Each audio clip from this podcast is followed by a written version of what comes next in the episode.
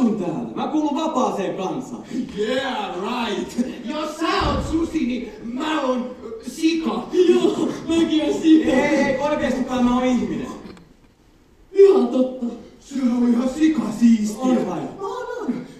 Den som missade när Svenska Teatern satte upp Djungelboken för något år sedan kan nu istället åka till Vasa och möta Mowgli i en framtidsvision av storstadsdjungeln. Det här är poddversionen av Kulturmagasinet. Ikväll ska vi också ta tempen på några av våra politiska partiers kulturpolitik så här inför riksdagsvalet. Jag heter Jessica Morni. Välkommen med. Vi börjar med opera. Opera kan göras på många sätt, stort och spektakulärt, men också i intimt fickformat.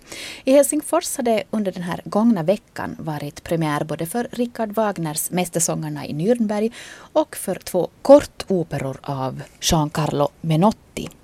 Kristel Pettersson, du har sett båda de här uppsättningarna. Har jag rätt om jag antar att föreställningarna inte har så mycket gemensamt?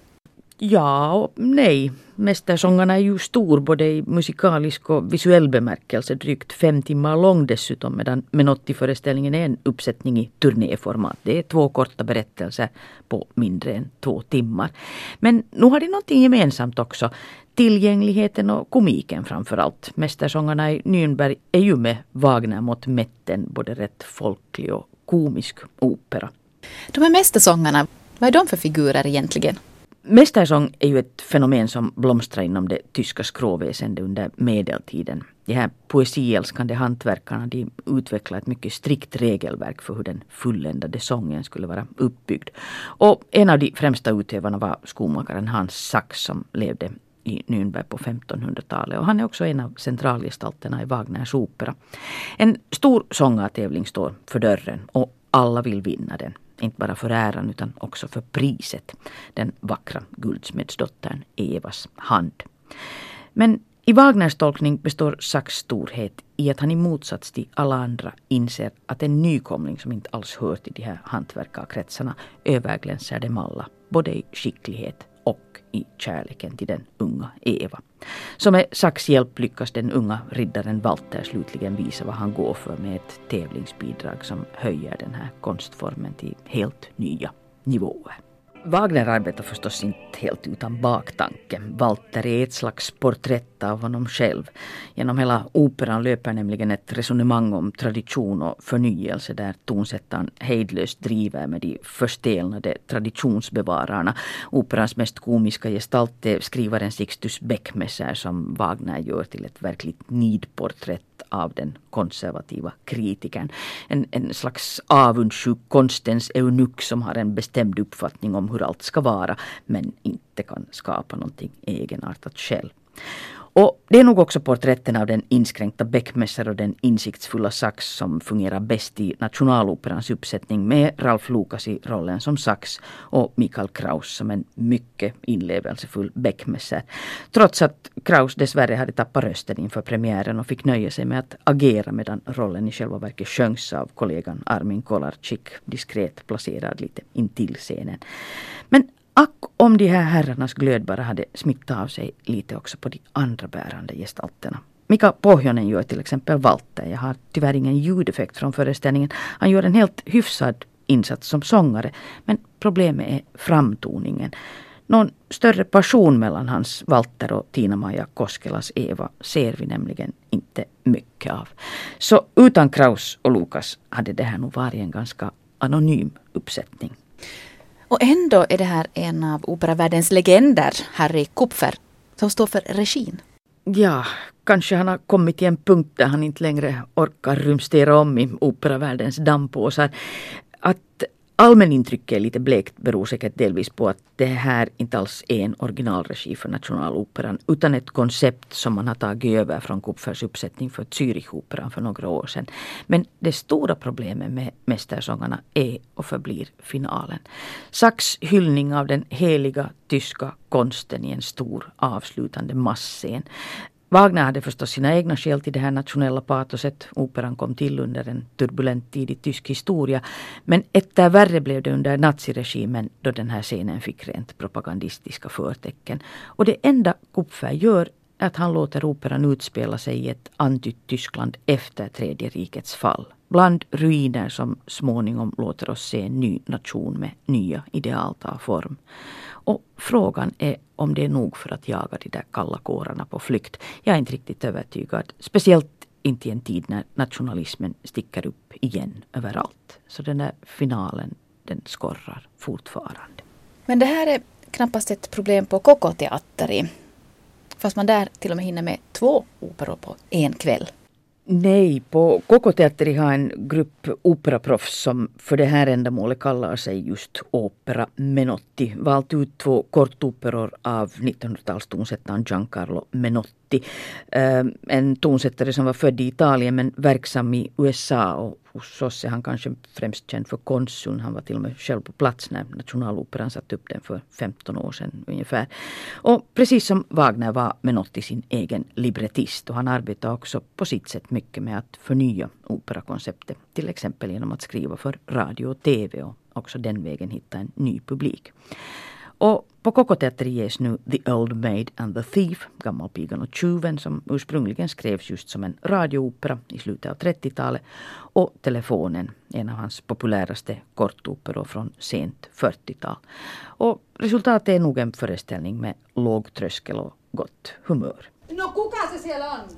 Den här Gammalpigan och tjuven påminner egentligen ganska mycket om Mika Valtaris komedi Gabriel tulee takaisin.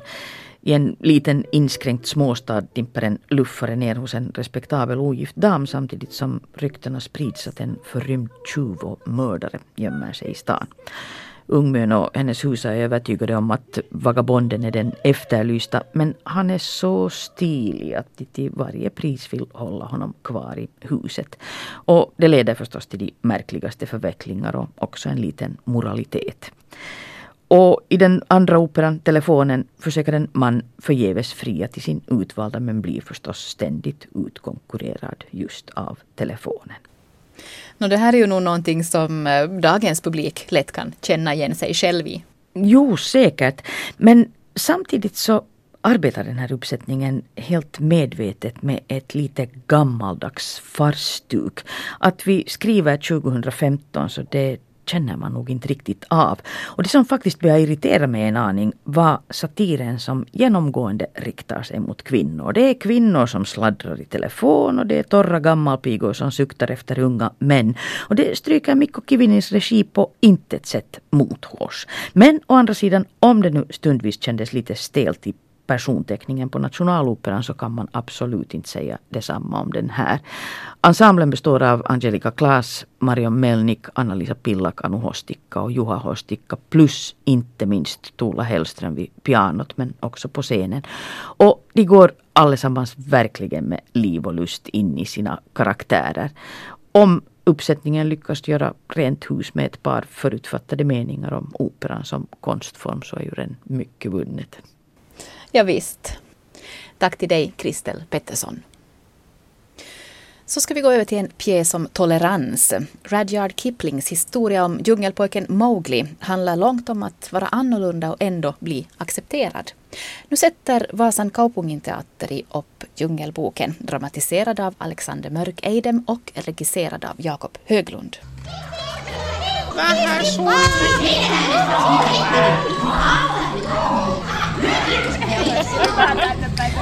Vi blir infösta längre och längre in i bänkraden av skränande paparazzi-gamar när Vasan Kaupungin teatteri bjuder in till pressinfo på musikalen Djungelboken och visar oss några scener ur föreställningen. Scenen är fylld av stora skräpberg i denna framtidsvision av Djungelboken. Staden har övergetts av människor och djuren har tagit över. Aporna är brats medan Baloo är boxningstränare och Bagheera, han är dragqueen. Mowgli är kanske den som är sig mest lik. För regi och koreografi av Vasa stadsteaters Djungelboken står Jakob Höglund och när vi träffar honom är han mitt uppe i upploppet inför premiären. Alltså det, de här sista veckorna, alltså det går från att det är det roligaste jobbet i världen till att man tänker att, att, att jag vill lägga ner. Och det går upp och det går ner. För det, det är alltid så, alltid tror man i något skede att det här kommer inte att gå. Nu slutar jag med det här. Eh, för att det är alltid samma stora stress och att få ihop det på slutet och att i en sån här föreställning det är så mycket teknik, det är så mycket ljudeffekter, det är orkester, liveband och man har väldigt, man har inte mycket tid i scenografi och på scenen för det spelas andra pjäser så att det är liksom alltid tidspress eh, och den tidspressen ger en också kreativitet men det är också eh, väldigt tufft och psykiskt pressande samtidigt som det är så roligt när det sen lyckas.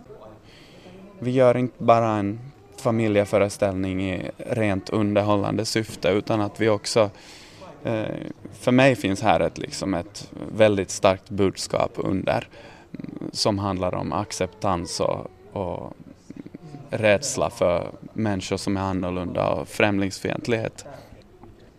Såklart den ska vara galen och rolig och det ska vara underhållning men eh, jag tycker alltid det är extremt viktigt att där finns en, om inte där finns en stark story i bakgrunden så då, då kan man lika gärna gå på cirkus.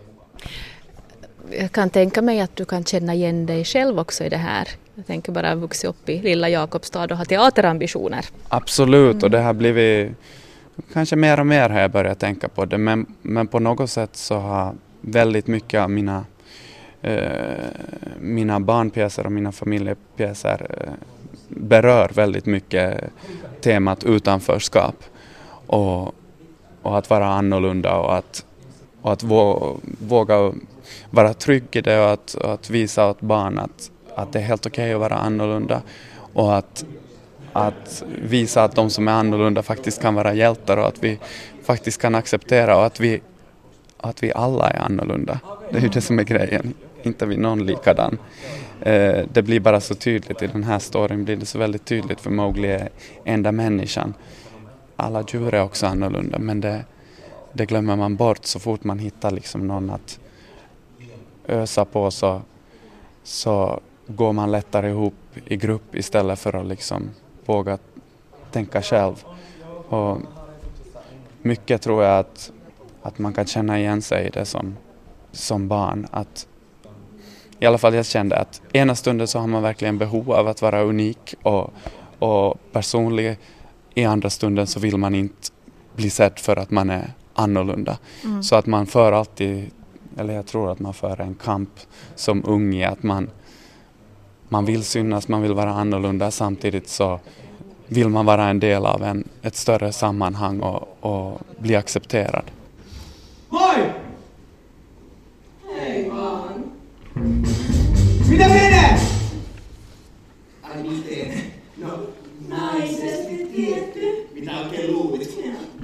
Kunhan kysyin. Ei, mitä sä oikein viidakossa teet? Niin. Mä asun täällä. Mä kuulun vapaaseen kansaan. Yeah, right. Jos sä oot susi, niin mä oon sika. Joo, mäkin oon sika. Ei, ei, oikeestikaan mä oon ihminen. Ihan totta. Se on ihan sikasiistiä. On vai? Ja, Mowgli imponerar till sist på apbratsen när de inser att han är människa. För ett par år sedan gjorde Jakob Höglund koreografin till en annan version av Djungelboken. Det var Svenska Teaterns uppsättning. Men när han nu själv regisserar har han valt en helt annan version. Den är alltså, det är ju, det är ju samma teman. Djungelboken är en så stor berättelse så de olika dramatiseringarna har valt olika bitar. Här ser vi inga andra människor än Mowgli och, och pjäsen slutar med att Mowgli åker till människobyn. Eh, I Helsingforsversionen så utspelar sig andra delen i människobyn och vi får se att Mowgli har samma problem att passa in bland människorna. Så det är, det är i princip samma teman. Eh, vad jag tycker mycket om i den här är att den, den refererar så mycket eh, till liksom dagens populärkultur och här finns liksom en, en lekfullhet och ett, och ett fräscht sätt att, att närma sig djuren i, i och med det att vi kombinerar liksom olika eh, mänskliga ärketyper. Med djuren så hittar vi liksom eh, nya sätt att hur vi kan närma oss att gestalta vargar, apor. Mm. Och jag tycker att själva storyn ger så mycket till hur vi kan lösa karaktärer som jag tycker att är roligt. Du sa här på, på pressinfon att att du visste att, att när du själv skulle sätta upp Djungelboken så då skulle du välja en annan version än Svenska Teaterns. Vad var det som gjorde att du, att du ville ha den här versionen istället? Ja, no, mycket, mycket var det ju också att, att när man gör koreografi och jag har sett en annans regi på den versionen så kändes det liksom, ska jag göra den på nytt så vill jag göra en egen version. Så att det inte känns som att jag efterapar regissörens eh, regianvisning. Eh, men sen så har jag ju, jag, jag hade sett den här många gånger i Stockholm och tyckt väldigt mycket om det och hade, eh, hade en bild av hur jag tänkte att jag skulle göra den. Så tycker jag mycket om musiken i den här också. Mm. Det finns en lekfullhet i musiken som eh, attraherar mig. Men samtidigt så visste jag att för den Stockholmsversionen är så Stockholmsbaserad så att man, man är, för att få den att funka här så är man tvungen att eh, bearbeta den och, och plocka bort en del av Stockholmsreferenserna och göra den ja, göra den mera allmän och begriplig för Vasapubliken. Så därför som jag sa har vi eh, förkortat den till viss del och gjort den, mera, gjort den till vår version. Musiken i den här versionen av Djungelboken är gjord av Erik Gadd och översatt för Vasa stadsteaters räkning av Sami Parkkinen. Och vi hörde här regissören Jakob Höglund. Om några veckor är det ju riksdagsval här i Finland. Vi har pratat med de åtta största partierna och frågat om deras kulturpolitik. Varje vecka kommer vi nu att kolla med två av partierna. Först ut idag är Silvia Modig från Vänsterförbundet. Silvia Modig, vilken kulturverksamhet vill ni inom Vänsterförbundet satsa på? Jag skulle säga att för tillfället så är upphovsrätten en jätteviktig fråga eh, för att det finns inte kultur, det finns inte konst för oss att njuta utav de människor som gör det. Och för att vara de som arbetar med det, som gör den här kulturen för oss så måste vi se till att de har tillräcklig inkomst i sitt liv och då är upphovsrätten en, en jätteviktig fråga inom det. Och då, det handlar om allting att vi måste motkämpa piratism och vi måste liksom göra kanaler så att, att penningen från upphovsrätten kommer till de som det hör till.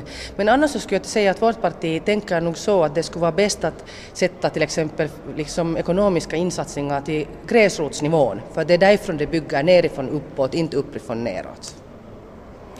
Vad tycker ni inom Vänsterförbundet att staten inte ska finansiera när det gäller kultur? Det har mycket talats nu när det finns lite pengar, ekonomiska situationen är jätteutmanande, så har det talats mycket om det att vi skulle borde öppna till exempel eh, möjligheten att få skatteavdrag för företag för att de kan ge, sponsorera kulturevenemang. Och såklart vill jag ha varenda penning vi kan få till kulturen, men jag tycker inte att en sån här skatteavdragningsmöjlighet kör åt rätta håll. Jag är rädd att vi går då mot ett sånt här medeltid mecenatsamhälle var det finns några rika som får bestämma vilken kultur vi stöder. Och jag tycker att det är liksom ett värdeval av oss att vi måste kunna genom statliga budgeten, genom kommunernas budget ha tillräckligt pengar så vi har en stark kultur. Vilka kulturformer borde vara gratis eller åtminstone billigare för medborgarna? No, till exempel i Sverige så har de ju gjort museerna gratis och det har ju lett till det att, att det kommer så mycket mera människor. Men om man skulle göra det så då skulle man också börja ge mera resurser till museerna, att de skulle ha mera arbetskraft där. Men det som jag säger att det viktigaste tycker jag nu skulle vara det att vi skulle borde få en, en möjlighet för alla barn och unga som vill att ha ett kulturhobby. Är det sen konst, är det musik, är det vad som helst.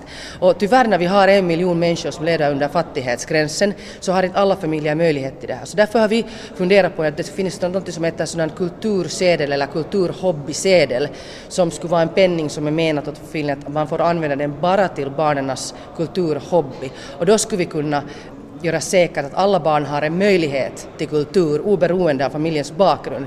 För att det finns ju en portteori i kulturen, att desto mer som liten du har blivit utsatt för kultur, så desto mer använder du och njuter när du blir stor. Så därför är det viktigt att det börjar genast när man är helt liten. Om du skulle få gå bara på ett enda kulturevenemang i år, vilket skulle du välja? Aj, vilken mardröm. Uh, äh, om jag skulle måste välja en, så då skulle jag säkert välja, musik är den käraste kulturformen för mig, så då skulle jag säkert välja en av sommarens festivaler som skulle ha så många som möjligt bra artister eller band som jag skulle vilja se. Där skulle man få ett fint veckoslut där man skulle få njuta av det hela. Marit Lindqvist hade tagit tempen på Vänsterförbundets kulturpolitik. Vi hörde Silvia Modig. Så ska vi ge ordet åt Ville Niinistö, ordförande för De gröna.